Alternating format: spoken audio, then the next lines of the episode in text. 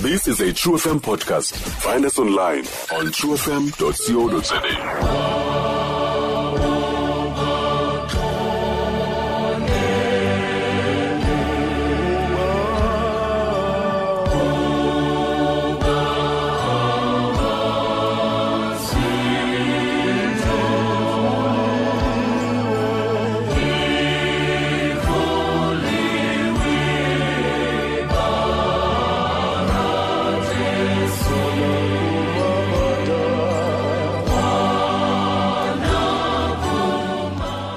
usiyoxolo mayibe nani nisikelele phulaphula trefm lizi lesibini siyapha kuye utata unhloko. Bishop nhloko manikwamkele man of god. Ndiyabulisa mpostolo. Over to you. Egameni lenkosi uyesu. Mandibulise nakubaphulaphuli be-true f m ngegama elihle lenkosi uyesu kristu. Amen. Eh kuba bekutshiwo ke ngokwantloko eh ndisindisiwe. Izono zam zixolelwe. Ndicela ke ukufunda la mazwi athethwa nguyesu emnqamlezweni ngamazwi akhe esibini. Siwafumana kwincwadi kaluka chapter 23 verses number 42 afundeka ngolu hlobo wathi kuyesu uze undikhumbule nkosi xa uthe weza usebukumkanini bakho uyesu wathi kuye inene ndithi kuwe namhlanje uya kuba nam eparadesi. Ndifuna ke sijonge la mazwi athethwa yinkosi uyesu kristu ewathetha nalo mfo obethelelwe emnqamlezweni esimazi njengebhada. Uthiwa eh utata umbethe bishop ndimmamele ke thetha kakuhle. Wayondlala wayigqiba.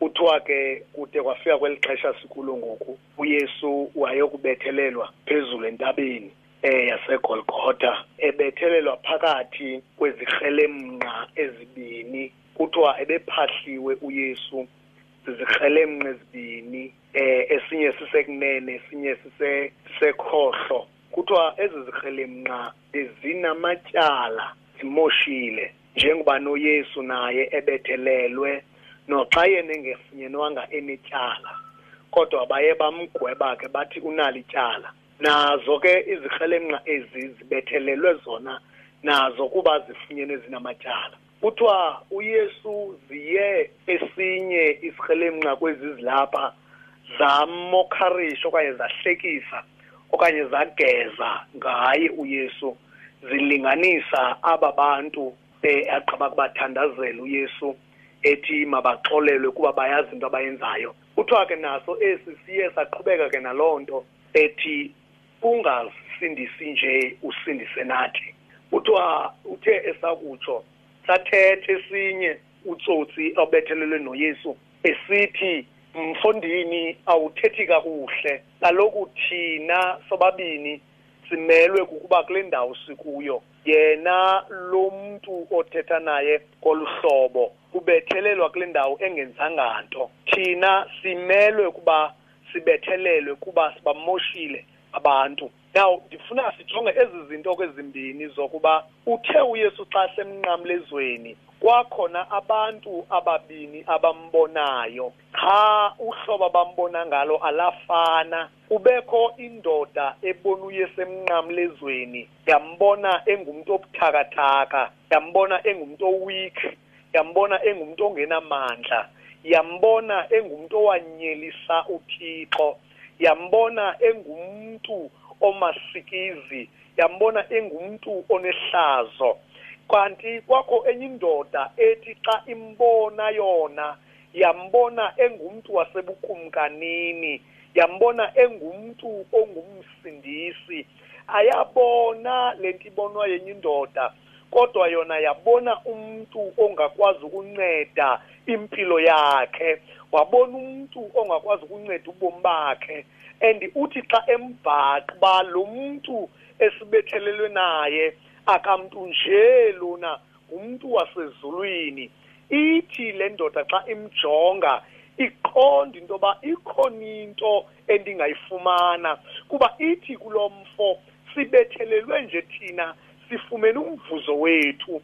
Kodwa noxa siwufumene umvuzo wethu ukhona umvuzo endiwubona singawufumana kule ndoda sibethelelwe nayo. Ithi xa ithetha ithi yesu undikhumbule xa ufika ebukumkanini bakho.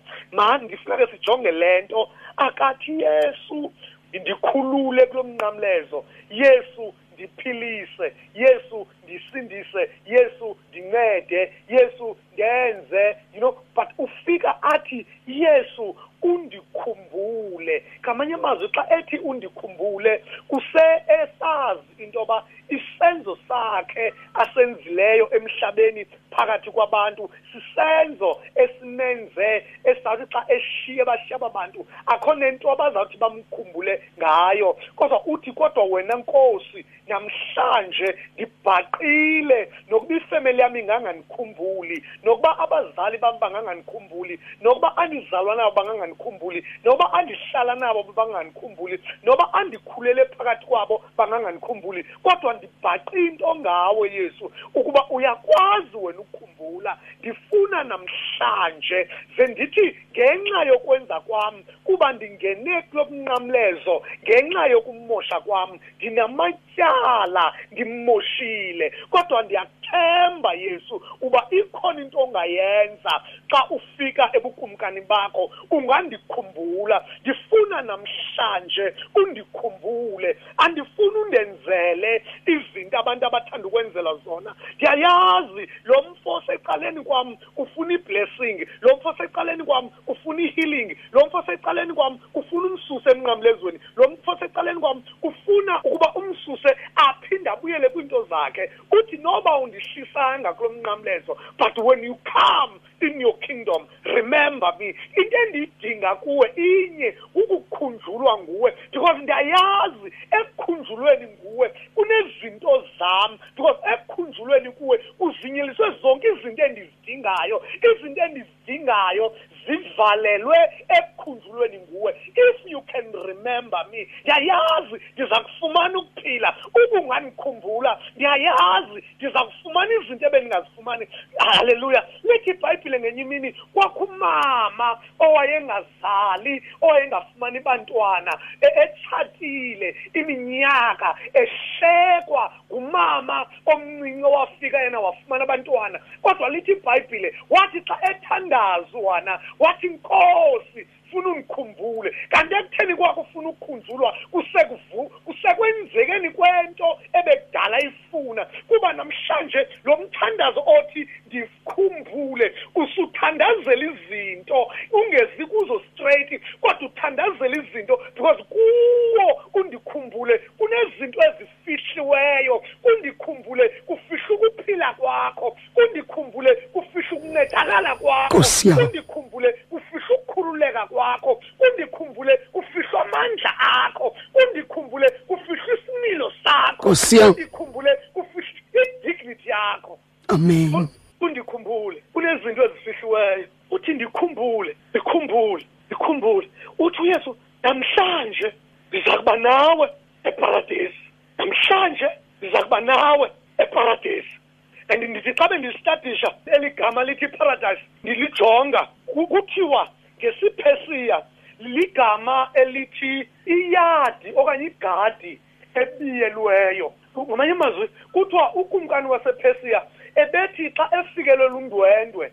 aluthathe undwendwe lakhe ayokuzulazula nalo elibambe ngesandla kwigadi ebiyelweyo. Now uthi uyesu xa ethetha nalo mfo uthi ndiza kuba nawe i'm going to be with you in the world garden kwigadi ebiyelweyo. Ndiza kuba nawe kwindawo efihlakeleyo. Ndiza kuba nawe kwindawo nale coronavirus engazukwazi ukugqobhoza kuyo. Ndiza kuba nawe kwindawo izinto zakho ezingazukwazi ukukufumana ndiza kuba nawe kwindawo ihlazo lakho elingazukwazi ukugqobhoza khona. Unehlazo elibe namandla phezu kwakho kodwa ndikusa kwindawo ozaba namandla phezu kwehlazo lakho. Amen. Ifuna uthi namhlanje inkosi ifuna ukuba nawe kwindawo ekhuselekileyo ifuna ukuba nawe kwindawo ezaba namandla ifuna ukuba nawe kwindawo ozaba nobulumko kuyo. Sesiphinde